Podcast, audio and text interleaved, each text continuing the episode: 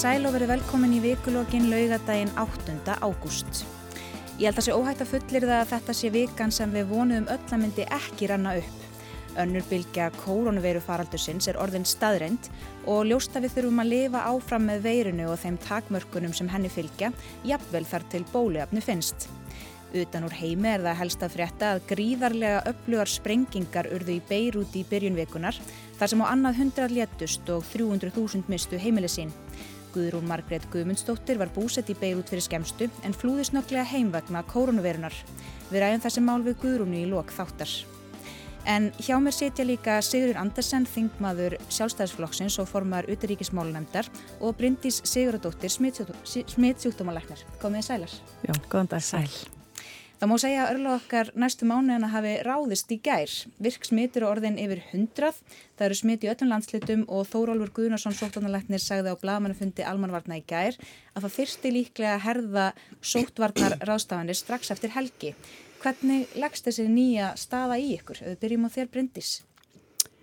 Um, hún, hún leggst náttúrulega ekkit vel í, í mig sem heilbreyð stafsmann og stafsmann á landsbytalanum en hérna við vorum að ég til undirbúin. Við vissum að svona staða myndi komu upp, það var bara spurningum hvenar og uh, sem betur fer sko þá hérna, já, voru við undirbúin, uh, það kom náttúrulega upp á þarna í gær einstaklingur á gjörgæslunni, mikið veikur og við kannski gerðum ekki alveg ráð fyrir því að svona mikið veikt fólk myndi fara koma inn á spítalan á, þessum tímapunkti. En vitandi það núna að það eru hundra staðfestir e, síktir og eflaust fleiri enginalausir út í bæ að ég tel þá er þetta bara veruleikin aftur. Og um, það þýr ekki að segja bara við erum þreytt eða getum þetta ekki. Við að sjálfsögðu höndlum þetta og við erum með að ég tel meiri upplýsingar. Við erum komið með livja meðferð núna sem við vorum ekki með í mars og april allavega í februar og mars þannig að hérna við erum bara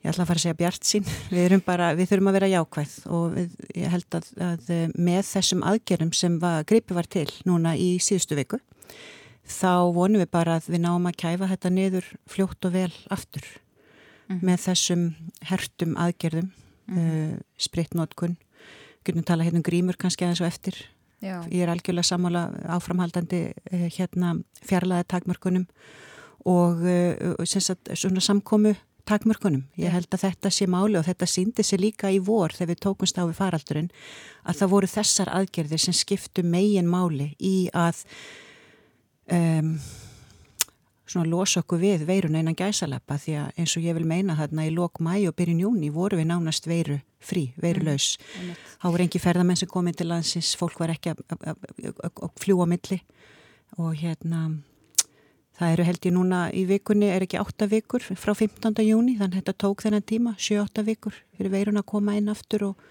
og byrja að smittast á milli. Einmitt. Sigurður, hvernig leggst staðan í þig? Já, hún uh, já, sko leggst nú þannig í mig að, að því þú nefnir að þetta þessi vika, þessi vikan sem við óttustum að kæma ekki aftur þá hefur ég nú einmitt verið að leggja áslá það að, að uh, kannski svona málflutningur eða uh, hvað maður segja afstæða til þessari veiru sé kannski ekki raunhæf. Og frá upphafi þá vissum við það að þetta er því viðvarandi veira. Og þess vegna hef ég kannski líka gert svolítið aðtóðsendi við það orðanótkun eða hugtakanót kun sem að kannski menn grýpa bara í að kæka eða þannig að því að hann þetta tala um bakslag og hverfa aftur til einhvers tíma. Ég meina þetta er, ég hef bara rægt áslafa að því að maður er í stjórnmálum og vanur svona væntingastjórnun að það er svolítið mikilvægt held ég að menn átti sig á bóðskapinu og sé sá að þetta er bara viðvarandi ástand. Þetta kemur í svona einhverjum bylgjum og, uh, og ég ánaði að heyra það sem Bryndi segir að, að sem við auðvitað öll stemdum að og það var nú markmið aðgerðan í upphafi að gera einmitt heilbreyðiskerfið allt saman uh, betur í stakk búið til að takast á við þetta. Og mér heyrist nú að það hefur gert og við vitum það bara líka, við hefum fengið insýnin í það að það hefur mjög margt breyst á landsbítalanum og á öðrum heilbreyðstofnunum og ég held að það komið til að vera ekki þó status quo, heldur verði menn auðvitað að vera taka breytingu bara eftir því sem tímanum líður uh, í þessu og, og vera ofinn fyrir að taka, hérna, gera rótakar breytingar jafnvel á kerfinu ef það þarf. Og uh, þannig að uh, en auðvitað er þetta allir orðin hund leiðir á þessari veiru. Og menn alveg að hérna eins og ég spurði prindið til rétt að þátturinn hérna byrjaði þegar vorum að tala um nýjustu tölur sko, verður þetta viðvarandi næsta árið, hvernig einasta dag nýjustu tölur um síkta og þá hef ég svona líka lagt áslá það að menn horfi á þetta svona þessi stærra samhengi heldur en bara þessa tölfræði, hörðu tölfræði vegna sem menn þurfa líka að kunna að lesa úr því, úr tölfræðinni og meta, meta hver einustu tölfræði í stærra samhengi. Þú talar, um, þú talar um að gera einhverju róttakar breytingar, hvað áttu við með því? Nei, ég meina bara eins og við höfum heist, ég hef nú talað við marga að því maður, allir þekkja nú mjög marga sem vinna á landsbytarum, þetta er nú stærsti vinnustöð á landsins. Þannig að maður, ég nú talaði marga sem er að vinna á ýmsum svið með landsbytarum og það ber, ber allum saman um að það hefur verið gerða skipilagsbreytingar Eh, sem menn hafi fagnað og menn hérna, hafa, hafa allar við varir við þær skiplarsbreyningar. Ég veldi til dæmis líka fyrir mér hérna, uh, svona til framtíðar að því að menn uh, lögðu miklu áslá það að, að hafa spítalan tilbúin og fresta til dæmis valkvæðum aðgerðum til dæmis á spítalanum og það var gert. Uh, það var í sjálfu sér lítið að gera á mörgum deildum að því menn voru að reyna að hafa allt saman laust fyrir, fyrir bylgjuna sem að menn vissu ekki hvernig yrði og uh, undirbósi fyrir það. Ég svona veldið fyrir mér hvort að menn þurfi ekki þá líka að hugsa þetta í framtíðar að reyna að færa út af spítalanum einmitt uh, allskynns valkvæðar aðgerðir inn á skurstofur sem að liggja ónýttar hérna út í landinu. Ég nefni í Keflavík á, í árumólanum og hvað þetta alls sem heiti, ég er náttúrulega ekki inn í þessu tæknilega þannilega, en, en ég heyrði það að mörgum fannst það helbriðstarfsmörgum inn á spítalanum líka að það hefði mátt kannski lífa starfsfólki spítalans svolítið við þessari, þessu akkorsvinnu sem varð í aðdraganda uh, veiru faraldur sem sjálfs, það sem var verið að flýta, menn voru að reyna að flýta sér að klára aðgerðir og unnið fram á nótt og skorið og saumað og hvað þetta er nú sem menn er að gera á svo spítala, að það hefði nú kannski verið tilöfn til þess að aðeins að veltaði fyrir sér kannski úr því þetta er svona valkvæðar aðgerðir, kannski er hægt að framkvæma þar annars þar á spítalanum sem að þarf þessi spítali þarf að vera tilbúin til að taka við bráðatilvikum og einmitt eins og þessu sem við við blasur okkur, við okkur mögulega í dag færa, og næstu árin. Færa þá aðgerðina þá frekar uh, á engareknar stofur? Já.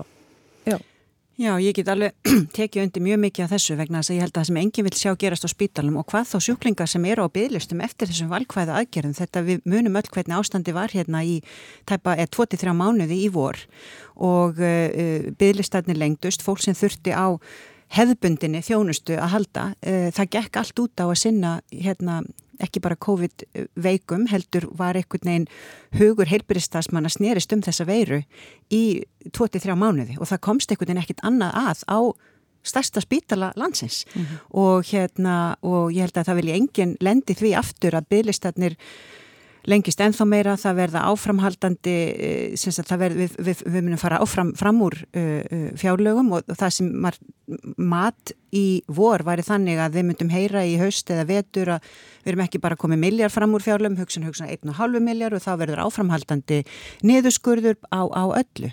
Þannig að það er alveg við búið að, að bygglistarnir lengist núna enn frekar þar sem við erum að fara inn í núna bylg, aðra bylgi. Já sko, já, já og nei en ég reyndar eins og við, það, það er margt gæst bara einni viku. Frá því að fyrstu tilfellin fóru aftur að greinast þá finnst mér Íslendingar almennt hafa tekið vel við sér, það er engi spurning að það var, það slökuð allir á að ég tel sóttvarnar um, hérna, tilmælum og, og, og fjarlaga takmörkunum og einhvern veginn fóð fólk að kissast og knúsast mjög fljótlega aftur hérna í, í júni og júli. Ég held að þessu allir sammólið það. Þetta var svolítið áhagvert hvernig fólk breytti algjörlum hegðun aftur að mínu mati. Uh, en það var kannski bara eins að við vorum búin að lenda í tvekja, þryggja mánada samkomiðbanni og, og óta að ég tel en hugsanlega voru þessir, sagt, hugsanlega var eitthvað svona falst öryggi í þessari landamæra skimun sem hófst að fólk held er við bara erum að standa okkur vel og veiran er ekki berast til landsins en það var svo sannal ekki, hún, við vissum alveg hún myndi komast inn eitthvað neyn með fölskum neikvæm sínum eða öðru og það er bara staðrind og, og, og, og svo sem við því búið. En svo gerist það þarna í síðustu viku að ég tel að þegar þessi fyrstu tilfelli fóru að greinast eh, þó það var nú ekki mikið veikir einstaklingar upphafi að fólk fóru að passa sig aftur. Og ég held að með þessum tilmælum og fundum og upplýsingu núna að við erum að leggja áherslu á með því að, að þetta er aða leiðin til þess að komi vekk fyrir smitið. Það er að ekki heilsast, ekki kissast, halda sér í ákveðnum, uh, hérna, ákveðnum fjarlæð, passa upp á sótvarnir uh, og hérna handreinsun og handvott og svo hefur enn aftur verið hérna umræðanum grímur Já, sem ég langar bara aðeins að minnast á vegna að við erum alveg fyrst til að viðkjann og ég að við vissum ekki það sem við vitum núna um grímanótkun kannski fyrir 2-3 mánuðum.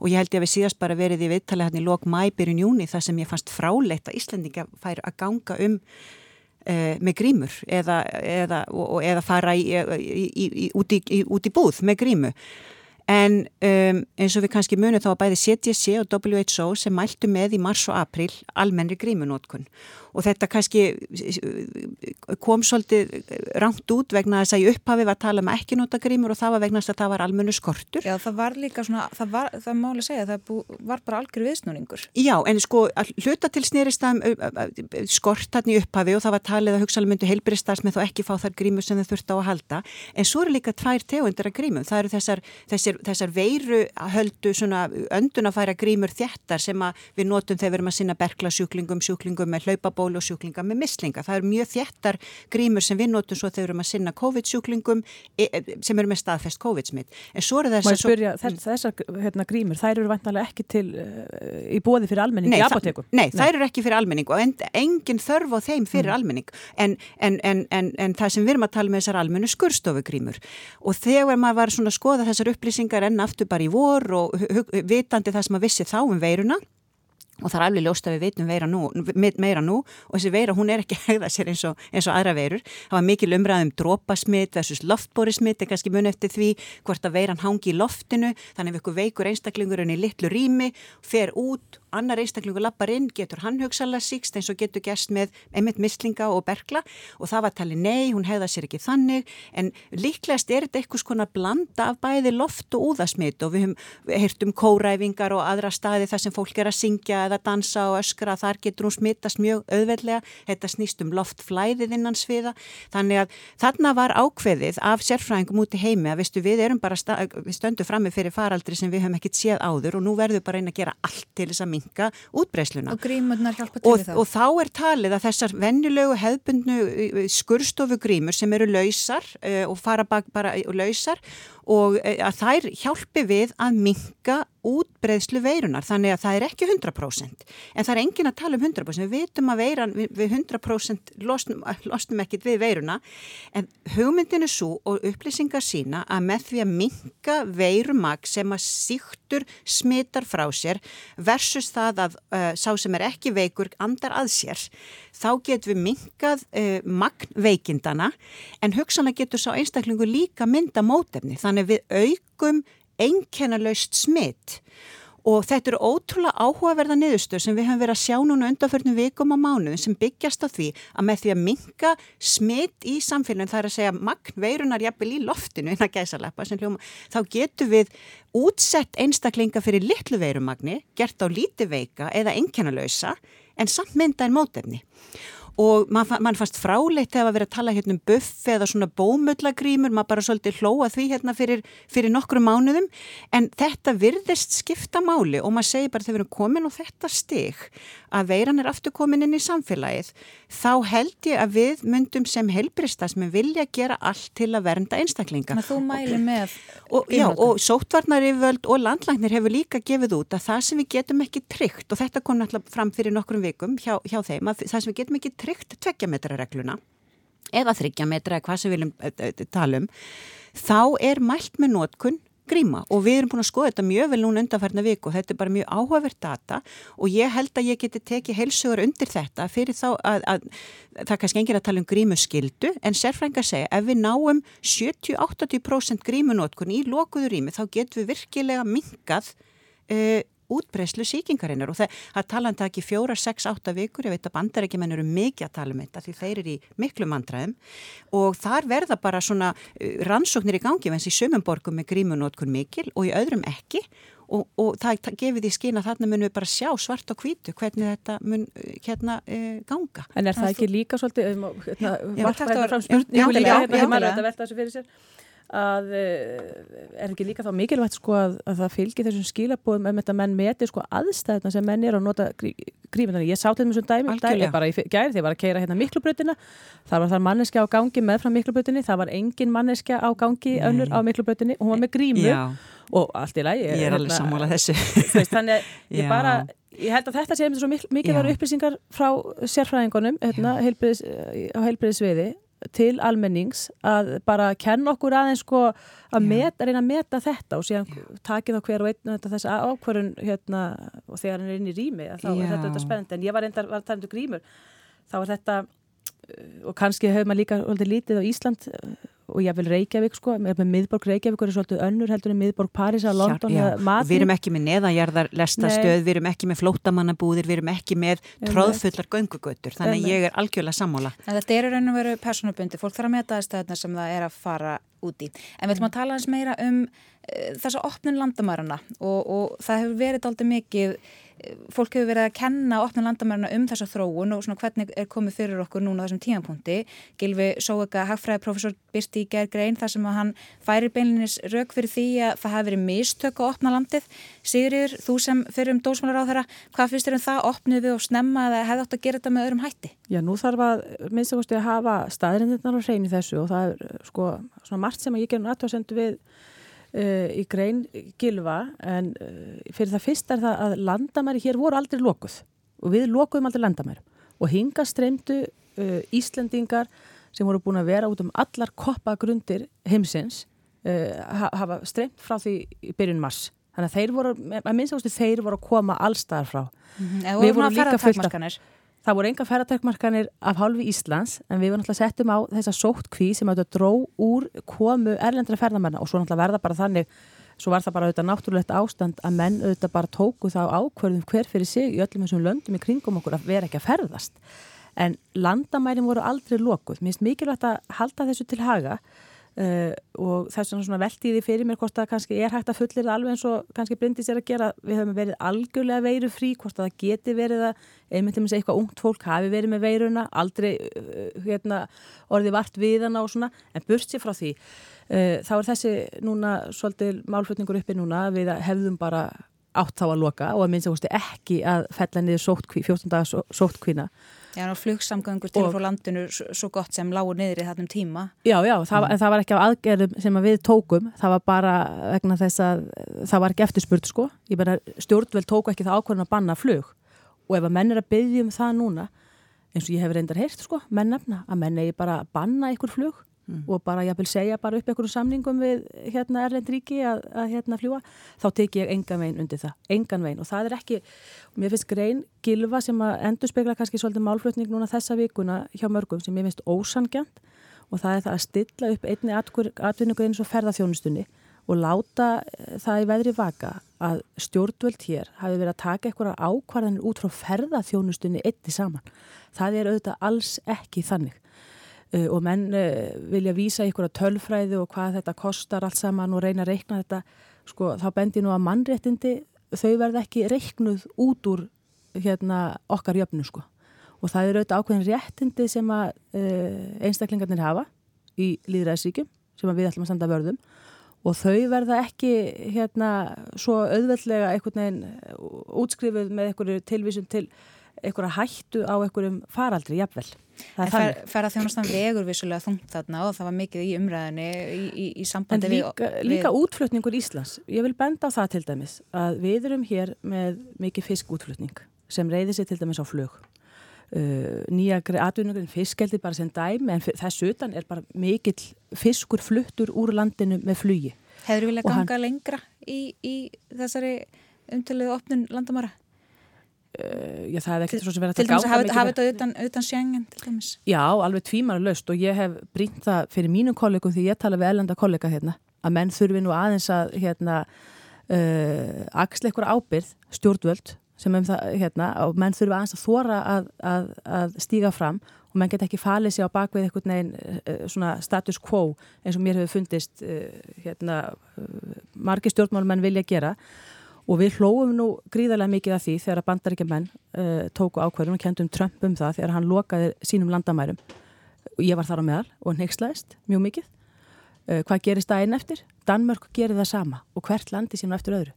Og ég sá áhugavert viðtal við Fauci sem er sóttvarnarleiknir uh, þeirra bandaríkja manna, Þórólfur þeirra bandaríkja manna uh, gamalt viðtal við hann frá því í februar, janúar februar þar sem hann er að benda á að, og er að undirbúa bandarsku þjóðinu undir þessa, þennan vírus og er að benda á hvað Kína hafi gert. Það sem þeir lokuðu, kínverða lokuðu fólk inni í húsunum sínum, lokuðu heilu borgonum, sviftu fólk auðvitað fullum, öllum rétti sínum. Og þetta, þá sagði Fáci, þetta kemur ekkert í greinu auðvitað að verði gert hér í New York eða Chicago og öðrum borgum hérna í, vest, í, í vestræna heimi. Þetta sagði hann í janúar, februar. Og, en hvað gerist? Svo bara sko, frelsi tapast sko, alltaf smátt og smátt sko, og svo vennjast með því þetta, og það er þá hlutur okkar stjórnmálamanna að standa vörð um þetta og það er kannski aðtóðsendi sem ég varandi aðgerðna sem voru að gripa til hérna í 15. júni, 16. júni ég var samála því að menn átt að taka upp þessar skimanir á landamæra hérna og þá var svona, fannst mér vera svona ákveðin sam, menn voru sáttur um það eða sammæli um það að menn ætla að prófa þetta í eina tvær vikur, tvær vikur og það erði líklega síðan dreyið úr því sérstaklega með tillitið kostnar og ég hef nú heyrt ykkur að kollega Bryndísar á spítalum með mitt bend á það það er auðvitað kannski ekki verið að forgangsraða fjö rétt þegar verið er að skima fullt af heilbriðu fólki. Og nú eru búin að skima 75.000 manns og það eru hvað eitthvað 20 eitthvað tilviki. Ég reiknaði þetta sló átt í gerð, mér síndist þetta að kosta 25 miljónir að finna hvert smitt. Já, ég held að það geti passað. Og á meðan er, er deildin, ég veit ekki hvort það er deild þínbrindi sem að er að býða eftir einhverju veirutæki eða einhverju rannsóknarstofa þarna sem kostar 100 miljónir. Þannig að þetta þurfum alltaf að setja í samhengi líka. Já, að þú myndi vilja draga úr skiminum á landamarunum. Já, mér finnst minnst að menn þurfum aðeins að hugsa það hvort að það sé verið að eigða orku þarna og ég reynda að kalla eftir því auðvitað sem líka fullur í fjárveitingavaldsins á þingi Ég, mér finnst vant að aðeins upplýsingar um það hvernig kostnaðurinn er að liggja og hvað hann liggur, hann liggur ekki bara hjá útlendingum. Menna, við hljóttum að vera að borga Íslandingunum sem vinna við þetta. Svo allt í hún kemur íslensk erðagreining, uh, dúkar upp og fer og dúkar upp og fer, það ekki það. Og ég átta mikið á því uh, hvaða samningar það eru að baki og svona, þetta þarf auðvitað alltaf að skýra. En mér finnst að, að heilbriðs yfirvöld þurfum auðvitað að skoða það og veita okkur stjórnvöldum aðeins betri insýninni það hvort að þetta er hvort við erum eigið orkunni rétt þarna kannski endileg Keflavík eða hvort við eigum frekar að einmitt af endurbúa bara spítan enn betur. En hvað finnst þér um, um samstarf íslenskrar erðagreiningar við Íslensk stjórnvöld í þessum, þessari baratu? Bara stórgóðslegt og alveg frábært og það er bara í samanlega við það sem að ég og, og auðvitað mín svona lífsín er auðvitað ríkið getur ekki séð um þetta allt saman eh, eitt og sér og við þurfum auðvitað bara samnýta kraft okkar vegna þess að það er auðvitað heilmikil gerjun og mikil þróun og jáfnvel meiri hjá, en, í enga geiranum á þessu sviði heldur en kannski ríki getur leift sér á, á sínum stopnunum sko, af því að þarf, ríki þarf að einbæta sér á ákveðnum rekstri. Þannig að ég fagna því bara en ég vil auðvitað bara menn uh, þetta sé allt saman upp á borðum og menn hérna, þetta sé allt saman gagsætt og það er bara auðvitað frábært að það hafi verið eitthvað tækið þarna til sem að spítalinn átti ekki Og þá er ég svo sem ekki heldur ekki að tala, tala fyrir því kannski að Íslenski ríkispítalinn, hann þurfi að græja sig alveg fullkomlega upp til að geta bröðist við öllu hugsanlega sem kemur. Það verður aldrei þannig. Nei. En notum þá, verum þá bara opinn og gerum það hérna, skilvirt að leita samstarfs við aðra. Bryndís, ef við komum aftur að landamæra skimuninni og, og þessari grein hann skilfa sóega, e, þetta var náttúrulega sko bæði opnum landamærana og þessi landamæra skimun, þetta var mjög mjög umdelt aðgerð, sérstaklega innan heilbríðiskerfisins. Hefðu yfirveld átt að hlusta þess að gaggrinnisrattir frá heilbríðiskerfinu, það voru margir læknar sem að, og, og þú þar á meðal sem að gaggrindu þessar aðgerðir í júni bara mjög harlega? Já, kannski ekki, ég, ég, ég vil kannski ekki alveg tala um að gaggrína harlega, ég held að margaka vildu bara, og sérstaklega ég, ég vildi bara benda svona auðmjúkt á hena hliðina, þetta væri ekkit einfalt svar og ég held að sé allir sammála um það. Ég ætla að segja bara taland um enga kerfið og hvernig enga aðila brúðustu til að aðstóða okkur, mér tek hjartalundi það að það mætti yfirfæra það á ýmislegt annað sem er að gerast í heilbreyðskerfinu, þar og meðal aðgerður og annað. Og það er merkilegt að segja hvernig við hvetjum eða fögnum því að enga aðilar hjálpi ríkinu í líka fagna því að enga aðilar geti hjálpa okkur við aðra hluti eh, hérna í helbilskerfinu. En varðandi sko opni landamærna þá fannst mér kannski áhugavert, þetta er ekki bara svart og hvít, verðan þess að við þurfum átt okkur því víslendingar og mér finnst kannski það hafa svolítið um, skólast til að uh, ef við ætlum að opna landamenni þá yrðum við aldrei, sko, það myndi alltaf komin smitt þrátt fyrir þessa mm. skimanir. En það er einhvern veginn eins og fólk haldi, já við viljum fá túristan og ferðamennina og, og, og efnahagslífið alveg fullt, en viljum líka ekki hafa neina veika einstaklingi í samfélaginu, það verður aldrei þannig. Og þetta var bara meðvitu ákverðin sem við þurftum að taka og við búumst við. Um, þannig að um, það sem að ég og við tölum um og alveg svo Sirius aði hérna á þann manni fannst kannski svolítið um, um, raungforgangsröðin að setja ekki bara peninga heldur orgu stafsfólksins í þetta verkefni. En þarna lág kannski ekki alveg fyrir að svo myndu uh, einstaklingar sem var að koma til landsins borga eitthvað 11 krónur eða 9 krónur fyrir skemununa og það er alveg á hreinu að veirudeildin hefur elpst, sagt, er að eblast við þetta. Og við erum að fá tól og tæki sem veirudeildin múið býða eftir í mörg mörg ár. Og það er búið að gera umbætur og húsnæðan í ármúla sem er stórkoslegt og loksin segja bara En Gilvi tala til dæmis um að þetta hefðir ekki verið sko greint eitthvað efnahagslega, þetta hefði Nei. bara verið kannski svona ákveðin tilfinning sem fólk hefði haft, bara verðum að fá ferðumennin inn til þess að bjarga efnahag landsins og Já. það hefði verið sett í forgang. Já og við höfum ekki séð, einmitt þetta, ég, við sáum aldrei einhverja kostnar analýsum, yfirleitt hefum að halda með svona stóra aðgerð það kannski skoða þegar þau hvað þurfa að fá marga ferðamenn inn til landsins til þess að svona stóra aðgerð borgi sig og ég veit ekki að því að nú eru amerikanar og asjubúar stór hluti ferðamanna eða voru en voru ekki með í þessu dæmi þannig að þarna vantar stóran hluta af ferðamanna yðnanum og nú er ég engin sérfrængur í þýsosum en, en það var það kannski sem vantað upp og fólk kannski áttast ekki alveg á um, uh, hvort við myndum í raun Eh, græða inn að gæsa lappa á þessu. Við fengum þarna 6-8 góða vikur og nú erum við aftur komin heldur kannski á byrjunarreit með þetta og það er verið að skoða það er það ekki að nú eru lönd sem við töldum vera örug fyrir tveim vikum, þau eru bara alls ekkit örug lengur og það er verið að skoða að, að í raun að, að fara að skima aukalega er það ekki Dani og Þjóðverja mhm. og jafnvel færinga. Ísland á, á röðlista en við það, já. því vil ég nú svara sérstaklega sko, að því ég nefndi það í upphafið þess að vandin svolítið í þessari umræðu er allræði tölfræðinar og uh, það er alveg rétt, maður kannski lögð ekki sett ekki upp í Excel hvað kostar hleypin svo mörgum og hvaða áhrif hefur. Ég, vegna þess að ég held að það sé ekki hægt. Nei, það er ekki nei. hægt að gera það. Og það er vandin kannski við Grein Gilva er að, og hann bendir á það að jú að menn hafi verið að eigða peningum sem hefði eitt á strikinu í Kaupmannhöfn verið að eigða því hérna innanlands. Þetta er auðvitað sko lýsir og það er svo góður að geta verðt sko ef það er einhverju einhver smá mæli. Þetta er auðvitað ekki sjálfbært á nokkur nátt. Það er ekki sjálfbært að Íslendingar haldi hér upp í hagkerfinu og við verðum með lokað hagkerfi. Þá verðum við bara eins og, og hingilvin og þeir hérna upp í háskólarum spáðu í fjármálakrísunni. Kúpa norðusinn sko. Og það kannski þannig er, er kannski er svo spá að ræta sko með öðru formerkjum sko. Með, með því að fylgja þeirra ráðum, með því að loka landinu. Þá auðvitað uh, blasir ekki hérna byrlega fyrir okkur eða blæs ekki byrlega fyrir okkur eh, korki efnarsviðin og þar með talið ekki heldur í líðheilsumálum eða heilbriðismálum ef við ætlum að hugsa svona. Þannig að heldur fyrir ekki að gleyma sko andleiri heilsu og ég held að Gilvi hafi líka verið að tala svolítið um það, ekki bara peningarliðina, mm -hmm. heldur þessi forréttindi okkar þarna á tímabili að geta uh, hist, að geta uh, stundavinnu, að geta farið í skóla, að það er í raun ekki hægt að meta það í peningum, það er að segja Nei. þessi að vera laus við óttan, að því að það var, það var og, og kemur aftur heldur, það er ótti og óvissa og það er líka það sem hann var að benda og við bendum á þarna málþingin okkar í mæ og margir hvernig áhrif þetta hefur á skóla, börn, fjölskyldur, mm. fjárhag, heimilana og svo framvegs og það er ekki þetta að meta það endil í peningum sem svo andlega óvisa og ræðsla. Þess vegna skiptir nefnit svo miklu máli að, að stöðugt að fræðsla fylgi með uppbyggilum hætti eins og ég hef bent á fylgi í þessari umræðu en ekki bara tala um bakslag og mhm. afturkvarf og höft og mhm. annað vegna þess að við þurfum að lifa með þessum einhverjum öðrum hætti og, og hérna og það er, maður verða líka að setja þetta í meira samingi, það er ekki bara það að við, við getum setið hér og viljum tala hérna hvort við aðra hér. Uh, Íslandingar þurfa líka nöðsynlega að ferðast til útlanda. Íslendingar eiga ástvinni, ættingi á vini og vandamann erlendis og við viljum hafa samskipti.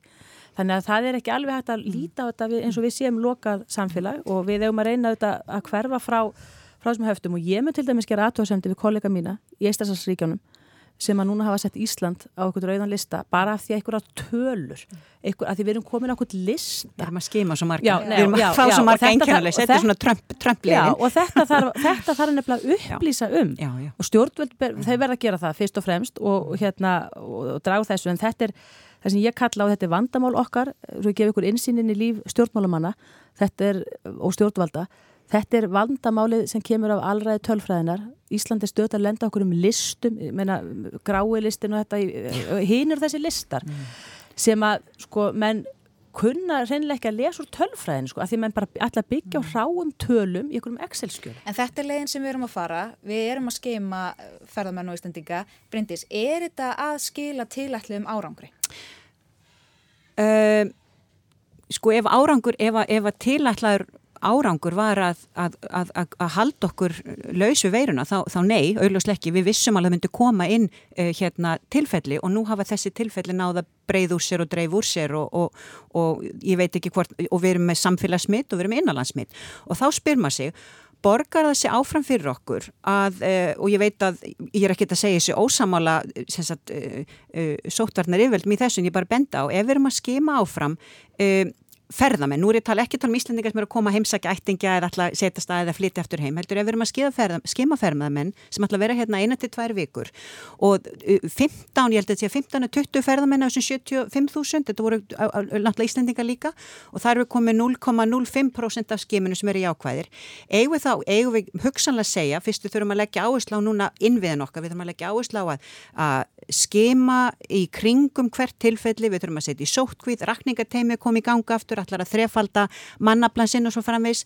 Getur við sagt að hugsalega láti bara ferðmenn að vera innan gæðsalappa, allir passu upp á sótvarnir, ég, ég veit ekki hvort það er rétt eða ekki, en klárlega er veira þegar við erum komið með virk innanlandsmitt og smitt sem við erum að reyna að rekja og, og áttum okkur ekki einu svona tengingunum en þá, þá er nokkuð ljóst að hugsalega 0,0% af einhverjum ferðamennu skipta kannski ekki höfumáli í framhaldinu. Og annars ég ætla bara að segja því við þurfum að læra að lifa með veirunni og ég tek alveg undir þetta með Sýriði eigum að vera að leggja áherslu á daglegar tölur fræðslu, hræðslu áráður e, e, e, og, og, og, og ala á óttan eða eigum við að segja veitu, þetta er okkar líf næstu 1-2 árin. Bólefni vonandi á næsta ári En ætt, finnst þér að við ættum að hætta að skimma? Um? Ég, ég allavega held að fjölda skemun erlendra ferðamanna sem eru hér í stuttan tíma, ég er ekki veist maður um það breyti neinu núna, þess að nú erum við komið með virk innanlandsmitt og dreifingu innan milli Íslendinga. Og þá skipta að mínum að til ferðamennir er ekki miklu máli. Um, ef að við höfum tól og tæki og íslensk erðagreiningar að hjálpa og við erum með peninga til að setja þetta, þá fint og við býðum eftir þessu tæki sem að reynda verudeldin fær ekki fyrir oktober en november en á meðan að Íslendingar sem tengjast virkum smittum innan samfélagsins er að býða eftir að fá út úr sínu sínum og annað sem að benda á, við fáum núna veika sjúklinga á bráðmáttöku landsbytarnas. Þannig að undarfarna viku hefur að verið þannig að fólk sem við heldum að væri áður með aðra veirusíkingu eða lúnabólgu eða hjarta áfall eða húðsíkingu eða er alltinu komið hóstaði nefrensli eða eitthvað annað, þá er þessi sjúklingur alltið orðið hugsanlega COVID smittar á, á bráðmáttökunni. Þá þurfum að fá að vita eins fljótt og hægt er, er síni neikvætt eða jákvætt og það gerðist nokkru sinnu núni í vikunni að e, veirudeildin hafði ekki undans að það er svo mörg síni sem berast að við ægum erfitt með að forgangsraða heyrðu bráðmáttöku sínin eiga að skipta mjög miklu máli það skiptu miklu máli að vita hvort þú sjúklingur sem við erum að leggja inn á lúnadeild eða smittsjúdómadeild sé COVID jákværið ekki þetta var ekki vandamál fyrir mánuði að því að það var eiginlega ekkit um COVID í samfélaginu mm -hmm. nú vitum við að það er innanlandsmitt.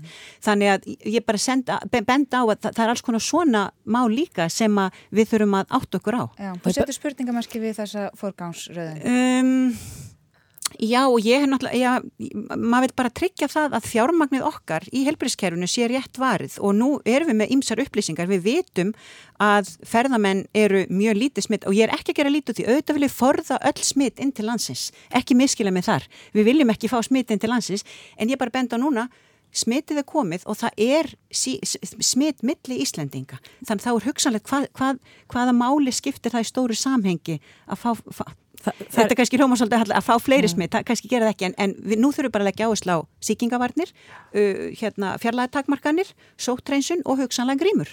Má ég benda bara eitt í loki, bara varandi skímanan á landamæri, það er kannski eitt sem að jákvæð sem að menn er að fá út úr því þótt að það er þjóni kannski ekki tilgangi til þess að grípa eitthvað smitt og ef það er þannig að það er ástæðan fyrir því að við erum að skima þá á bara að segja það, af því ég held að allir bara, þá það bara verður uppi og það er það að við erum auðvitað að fá rosalega mikið efni, mikið efni við í rannsóknir á svona veiru. Algjörlega. og það er svona vísindastarf.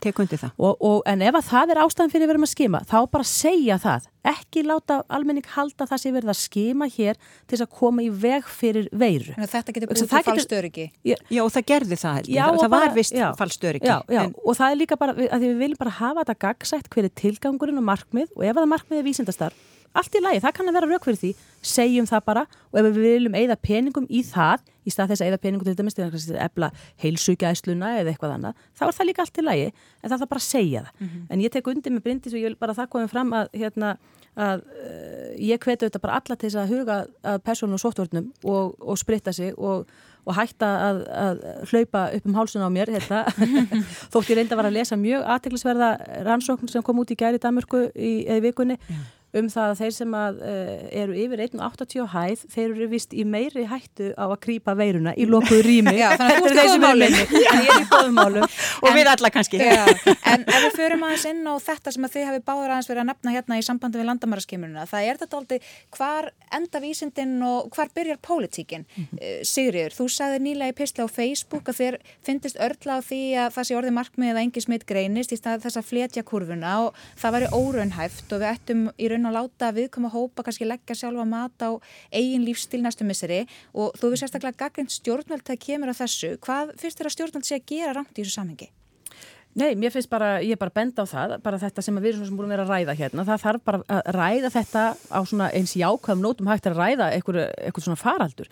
En þetta er auðvitað bara eitt faraldur af mörgum faraldurum sem hafa geysað hér um jörðina og við höfum náð að glíma við uh, með einmitt uh, sótvörnum það er málið sko, sóttvörnum og þetta finnst mér bara vanta og mér finnst að ég sá það líka bara á aðtöðarsöndum sem ég fekk við þessum pisli mínum að menn heldur það að það hefði verið breytt mjög fljótlega, að stjórnum hefði breytt mjög fljótlega markmið, hvort menn voru að vísa til sóttvarna yfirvalda, um það yrði ekkert smitt, ég hef aldrei heitt sóttvarna yfirvald halda því fram að það sést markmið að Ísland sé veiru frítt. Og ég hef heilt stjærfræðing átum allan heim Nei. nefna Ísland og Nýja Sjáland í því samengið þegar menn segja ekkert land getur verið sótt veiru frítt, þá hafa menn sagt Uh, jú, það er kannski Ísland og Nýjasamt sem hafa náði í einhvern örskamann tíma mm. en það er algjörlega óraunhæft að því þessi ríki ætla ekki að hverfa til arraðis stjórnarhátta þau ætla ekki að loka landinu sínu, löndunum sínum og hérna, þannig að þetta er alveg, alveg óraun Þetta er í rauninni kannski svona ákveðið viðhorf sem að þarf að breytast bara hjá almenningi já, yfir höfu, núna já. er þetta nýr raumuruleiki, við erum að fara að lifa með veirunni eitthvað áfram, já. hvað svo lengi er kannski ekki að segja. Sóttvarnar yfirvöld ald, tóku aldrei fram að við, við erum veiru fríð, markmið er ennaftur fletjútkurvuna og hugsanlega sko frekalegja áherslu á fólk verði minna veikt frekar en ekki með þessum eitt, það var einnum sinni maður sem sagði, ef þið blandið saman vísindi og pólitík, þá færðu pólitík Mm -hmm. en ég held að það hefur kannski ekki endilega verið reynsla hér, held að vísinda svona hliðin hefur bara fengið að, að hérna ráða hér innan gæsalappa. Sóttanarleiknir einmitt fundaði með ríkistöldunni byrjun vikunar og óskaði svona eftir meira samráði í þessu vegna þess að hann hefur svona, hann hefur náttúrulega verið mjög ábyrrandi undanfarið og tekið mjög stórar ákvarðanir sem að varða efnahag þjóðarinnar, mhm. flugsangöngu til frá landinu, alls konar ákvarðanir sem að hann kemur að. Já. Þannig að það á svona aðeins að fara að breyta því sérstaklega ljósið þess að nú eru ljóstað að þetta er veira sem við munum lifa með eitthvað áfram. En maður finnur svona alltaf í samfélaginu líka, það er eitthvað aðeins minni þólumæði og stittri þráður þegar kemur að þessu.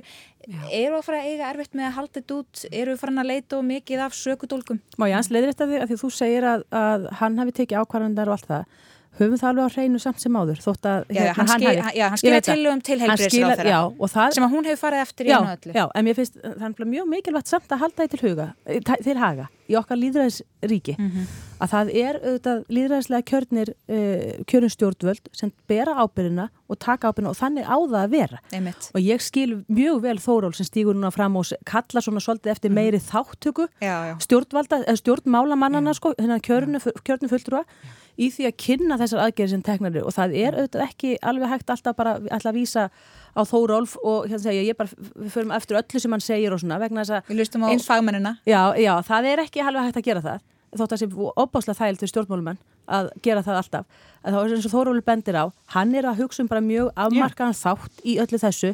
Það eru aðri sem hugsa um an, aðra afmarkaða þætti. Uh, til dæm, ég veldi nú bara fyrir mig til minnst það eru aðrir faraldar sem geisa líka. Ég menn og ég vona að mennsi á tánum hjá sóttvarnum og landlækni að huga öðrum heilbriðismálum líka. Það þarf líka, má ekki gleyma því sko. Við gleymum því ekkert. Nei, nei það er eins gott sko.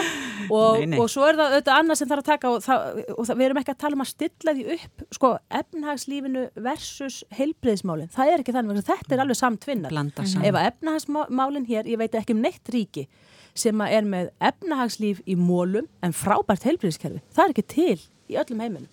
Þannig að þetta þarf að hugsa allt saman og, og stjórnmálmenn er ekki að veigra sig við að hafa skoðanar þessu og, og, uh, og ríkistjórnin uh, þar svolítið að... Maður hefur til dæmis heyrt fyrir eitthvað lítið frá stjórnar andstöðinni í, í þessari umræðu allri. Já, menn eru bara svo, það er svo þægild að segja bara við bara hlýðum okkar bara hlýðum víði sko og okkar færastu sérfræðingum og það er engin að tala um, ég er ekki að tala, tala fyrir því að menn fari gegn þeirra ráðum en menn þurfa að hérna, renna freka bara stóðum undir það enda höfum við verið heppin með, með þessar ráðleggingar. Og uh, ég horfi með for, til, sko ég forfi það að horfa til Breitlands, New York og Madridar það sem hefur verið gripið til þess að drastísku aðgerða að loka fólk inni í margar vikur Uh, við, þess, þessar þjóðir er eftir að býta úr nálinni með helbriðs vandamál hvað þetta var þar mm -hmm. í framtíðinni. En við ætlum aðeins að skiptum gýr. Kórnuveiran leikur ekki bara Íslandingagrátt. Uh, þar sem staðinni viðkvæm fyrir má ekkert út að breyða. Í Beirut í Líbanon urðu tvær öflugar sprengingar í vöruskemmu í byrjun vikunar með ofsa fengnum afleggingum. Stórluti borgarinnar eru rústir einar yfir 150 látin og tuga saknað og það búist við að þessar tölur hækki. Guðrún Margreit Guðmundsdóttir mannfræðingur, hún þekkir land og þjóð vel og hefur verið með annan fótinn í Beirút síðustu þrjá áratíi. Guðrún, þú varst búsett í Beirút fyrir nokkru mánuðum og leið í nám þegar, í byrjun ást þegar kórunveru faraldurinn skall á, er það ekki rétt? Jú, jú, ég fer eiginlega alltaf í nám og, og heimsækki Beirút bara við hvert tækifæri þannig að þegar ég líka konum verkefnum að þá er ég yfirleitt komin til Beirut bara nokkru dögum setna eh, ég var byrjuð í náminu en var það ljúka því sem sagt, var svona eh, að fara heim eftir fjóra vikur af fimm eh, út af koronavirunni það var bara ekkert valum að vera lengur. Svo leiðis að já og sagt, ég var gift lípana hérna frá, sagt, í, á áttunda áratögnum og þeim nýjunda Þannig að já, já, ég hef mikil, mikil tengsl við Líbanon. Já, en hvernig sláist þar fréttir þig?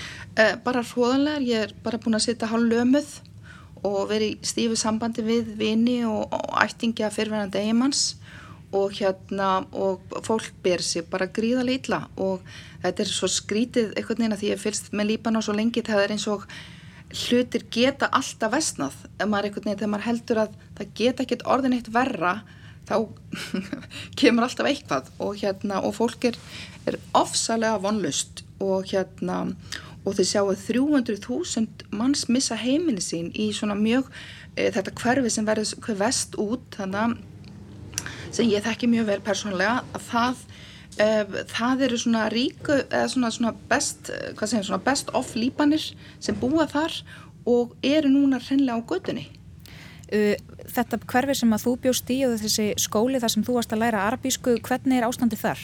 Hann er alveg hruninn því miður og hérna og bara hróðalegt að sjá kennslustofunar og hérna þetta er opbáslega skemmtilegu staðir, þetta er svona voðalega svona fallegum stað og það er sem sagt hostel líka sem ég bjó á og nokkur skref í skólan og svo er æðislega vinsall veitikastæðir sem er dansað hérna magadans og spilu arbeidstónlist fram á nótt opbáslega lifandi.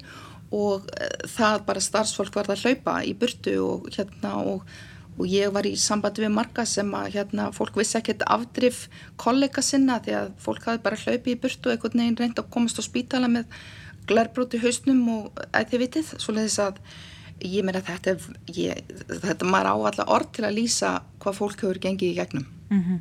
En ef að þú hefðir ekki þurft að koma heim núna í byrjun árs út af kórnuveru faraldrinu þá mögulega ennþá, hefðir ennþá verið búsett þarna? Já, ef ég væri ekki í vinnu þá hefði ég öruglega verið þarna að læra eh, sagt, bara, ég, ég vinn við að tala arabísku svo leiðis að mér finnst mjög gott að fara í hérna nám af og til og bara styrkja mig í henni svo leiðis að ég hefði kannski skellt mér í sömurskóla alveg öruglega Já, þetta er uh, óhugnalegt að sjá. Mjög óhugnalegt. En ástandið í landinu eins og þú komst inn á þess áðan, það var mjög viðkvæmt fyrir. Já. Ef þú getur svona stikla á stóru með það. Já, sko, það er í raun og veru verið, sko, það er talað um að í Líban og það er ekki spilling, stjórnvöld er ekki spilt, sko, stjórn, stjórnkerfið er spilling.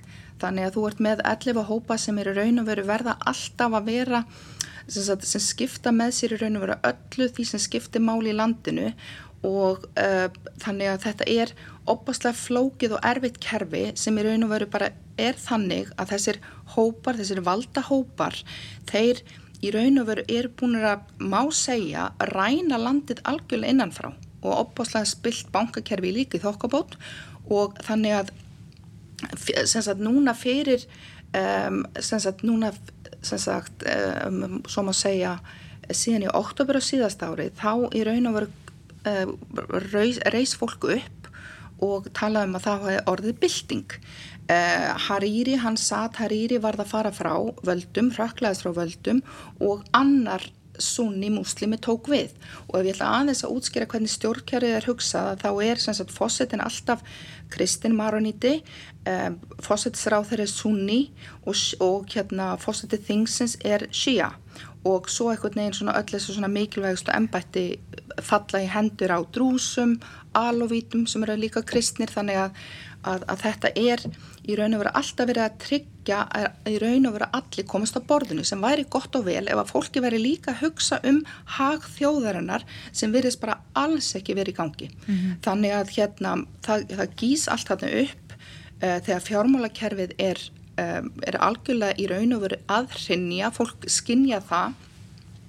Það er algjör dollaraskortur í landinu og og maður, svolítið fyndi í Líban og þá nota maður lýrutnar og dollarin alveg til japs svo leiðis að dollarin er mjög eftirsóttur í, í Líbanon uh mhm. -huh. hann hverfur að vettvangi fólk getur ekki tekið út nema kannski 100 dollar á viku, fólk sem er stöndugt fólk í kringu mig eh, þið veitir það eiga fullt af peningum inn í bankonu þau bara, bankin er búin að eigða þeim peningi Já. eða einhver stjórnmálum búin, búin, að, búin að taka þess að ræna bankanir það, það, er, það er rótgróðin spilling og það eru deilivönur ríkið og það er þessi efnaha, efnahagstrengingar svo kórnaverufaraldurinn og svo þessar sprengingar sem urði í, í vikunni hvernig verða næstu mánuður og ári í Líbana? Já, uh, ég held að ég verði nefnilega aðeins að útskynna eins og þú ert að segja með þessa veist, erlendu áhrif uh, sko ríkistjórnin í dag eru í raun og veru svona samvinnu ríkistjórn á milli þeirra sem að, á milli þessara ólíka afla sem hafa gríðali ítök í landinu, sátar og bandaríkinn svona með einum, einum svona einni fylkingu á meðan Íran og kannski eftir vill Rúsland er með hinni. Og það er Hezbollah sem er raun og veru núna er sagt að ráði lo, lögum og logum í, í hérna lögum og logum í Líbanon. Svo leiðis að e, fólk er orðin getið ímyndað okkur ansi þreytt á algjöru kás og í raun og veru hróðalegri spillingu.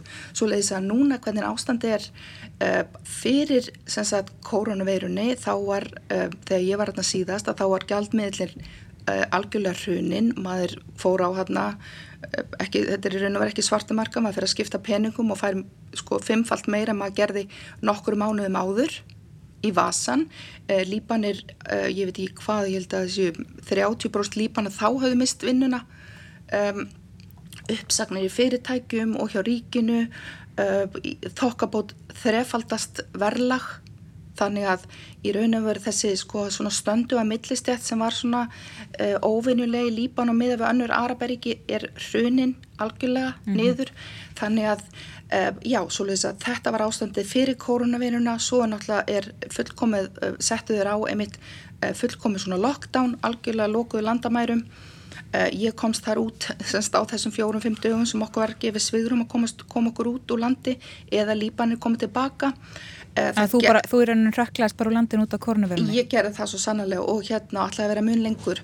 Uh, já, svo er það þannig að, að, þetta er opbáslega svona frjálsíkju um, innviðir landsins eru, eru í enga eigu þannig að spítalar er enga eigu. Fólki getur ekki ímynda sér að komast inn á spítala því að það kostar svo mikið pening og hérna svolítið að það er það er, var stórt vandamál eh, þessir svona ofinberu spítalar voru ekki búin að fá fjármakt til sinn í 1-2 ár þannig að þetta er ástandi fyrir koronaviruna mm -hmm. svo, svo kemur koronaviran og þá náttúrulega bara vestnar allt en, en þeir ná einhvern veginn að halda henni í skefjum opna landi svona með minnir 8. júni þá koma svona spikes þið vitið fleiri tilfelli loka aftur svo að það er búið að vera að reyna og rempast við. En hérna ef ég má bara gefa ykkur pílda hugmyndum sko svona spillinguna eh, til dæmis er rafmaksmálinn í Beirut síðustu 30 árun hafi verið ömurleg. Fólk er sömu stöður maður fá kannski svona 6 tíma á dag af rafmagni til sín og, og kaupi þá svona generators til þess að þú veist sem að fara þá í gang þegar hitt sloknar eh, núna sem, sagt, fyrir, sem, sagt, sem, sagt, sem aflegging náttúrulega af koronaviru krísunni og algjöru hreinu fjármárakjælfisins að þá er það uh, bara algjörlega, um, býtum við hvað, nú er ég að missa þráðin. Já, það, það er þessi rótgróna spilling og það er henni teg, tegir ánga sína mjög víða þarna í, í, í líbansku samfélagi Já. en uh, sko almenningur í Líbanon og erlendi þjóðleðtöður, til dæmis Makrón Fraklands fósiti hafa kallað eftir óhári alþjóðleiri rannsókn á þessum sprengingum en mm -hmm. líbansku stjórnum hafa ekki tekið vel í það, það verða fjöldamótmæli í dag, Já. í hvað stefnir þetta? Sko, ég, ég skil ekki akkur í stjórnvöld áttlega eiga að vera lungu búin að segja af sér og það er náttúrulega bara, já ég var að gefa ykkur, fyrir ekki að ég má aðeins klára þetta með þannig rafmagnist, algjörlega í lamasessi, svo setja þér þannig nýja ríkistjórnin, setur, setur sem sagt hérna nefnd saman og þessi nefnd aðalatrið er að koma þremur múslimum, þremur kristnum, tveimur drúsum sem hafa ekkert vita á rafmagni. Þannig að ég bara lýsa fyrir ykkur akkur fólk er af mótmæla. Það er, það er svo ofbáslega langþreytt á algjöru sko svona kompetensleysi þið viti, það er ekki bara þetta sinnuleysi sem svo springur í andlitin á fólkinu með þessari, eh, þú veist, fólk lítur á það þannig að þetta er raun og verið svona endanlegt svona ofsalega svona kristallisterast þetta gríðala sinnuleysi og bara vannþekking hjá ríkinu sem hugsa bara um sjálfan sig og ekkert um fólkið. En sérðu fyrir þeirra að landir hennilega náu sér upp úr þessu? Mm, ég held að Líbanon náu sér alltaf uh, á stryk. Það er rosalega merkilegt þeir sem koma til Beirut koma aftur og aftur. Uh, þetta er, ég veit ekki hvort að stríðið breytir svona mentality á fólki. Það er opaslega mikið bara svona dagurinn í dag og við ætlum að njóta, við vitum ekkert hvernig morgudagurinn beri skauti sér þannig að hérna En það eru erfið tíma framöndan það, það eru erfið tímar maður er gladur uh, maður er gladur að, að sagt, núna fær Líbanon miklu, miklu aðstóð um, ég var ánað að sjá að Makrón var að tala við fólkið ekki bara að taka í spaðan á hérna spiltu stjórnveldum og lofa þeim eitthvað neginn aðstóð það verðast allir sammálum það að þetta stjórnkerfi er ónýtt, þetta, þetta er ekki hægt, þetta, þetta gengur ekki. Uh, og þannig að það eru alþjóðasamfélagi verðist vera núna einhvern veginn að gera þessa kröfur á Líbanon að það þurfi að vera sko grundvallar breytinga gerðar áðunum þeir fá allt þetta fjármakt til endurbyggingar. En, en ef ég má aðeins minnast á einmitt sko hérna það er í gangi núna uh, söfnur Rauðokrossins og í Rauðkorsin í Líbanu ber gríðalegt, fólk ber gríðalegt tröst til hans, svo að ég hvet fólk til að aðstóða eh, Rauðkorsin þar í landi er að vinna gríðalega mikilvægt verk og hérna þessi söfnun er hafinn þannig að endilega bara fara inn á, á Rauðakross Íslands og, og, og gefa. Emmitt. Eh, Sigrir, þú ert formar utaríkismálinemndar alþengis og Íslands stjórnvöld hafa lofað lípunum neyðar aðstóð. Eh, hvern, hvað er hægt að gera örstuðt svona í lokin? Hvern, hvernig er hægt að hjálpa í þessari stöðu? Já, það er þetta helst í gegnum peninga sem að einmitt menn hafa lagt áslá að hérna og ég hef heyrt að Makrón tala um það að það verði gagsætt sko peningarnir hvert er fara sko vendan mm -hmm. þannig að menn þurfu þetta vanda sér vel ef menn ætla að leggja peninga inn í svona, inn í svona lönd uh, auðvitað hefði það líka verið, menn við erum með fólk sem þekkir auðvitað eitthvað svona í hamfara, hamfara björgunastarf en það kannski er, er ekki skortur af því þannig að skiptur þetta máli að menn hlaup ekki til og hendi einhvers konar björgun, gerir bara eitthvað uh, til að hjálpa þannig að þetta þarf alltaf að vera í einhverju skipulagi og, og vantanlega yrðu við í samstarfi með Norðurlöndum eða okkar nákvæmlega ríkjum í því og ég held að það sé mjög mikilvægt og ég tek undir kvartningar orð hérna fyrir, til Íslendinga að ef maður geta látið eitthvað að hendi rakna í þetta, allt hjálpar mm -hmm. en þetta er út alveg, alveg þetta ástand Já. Bryndís Læknar, Guðrún Margreth talar um að það sé ekki gott ástand á spítalum það er vantilega mjög erfitt að senda lækna til dæmis og við um lækna á landamæra uh, til að hjálpa. Þetta hlýtur að vera erfið staða út á koronaviruna ymmit, hún setur streki í, í, bókstala allt. Já, alg, algjörlega. Og þess vegna, og maður hefur oft sagt áður maður þakka fyrir að vera á Íslandi á þessum tímum og, ekki, og eins og ástandi var í voru og er, er annar staðar. Og ég veit að við, maður fylgist nú með kollegum allstar í heiminum Eh, ekki bara út af hörmungum, út af sprengingum, heldur út af koronavirunni. Þannig að maður getur bara rétt ímynda sér. Við, við, en, en eftir við bara við, maður þakka fyrir það sem maður hefur hér á landi. Og þó að ástandið hafi verið erfitt þá held ég að við séum bara á allt öðrum staðum svo opbásla mörganu ríki heiminum. Og við bara verðum að fagna því og bera, bera, bera virðingu fyrir því og, og sína auðmygt og þakklæti þrátt fyrir allt annað sem er að gerast hjá okkur. Já, þannig að já Við látum þetta verða loka orðin í þættinum í dag. Kæra þakki fyrir komuna og góða helgi. Takk fyrir semins.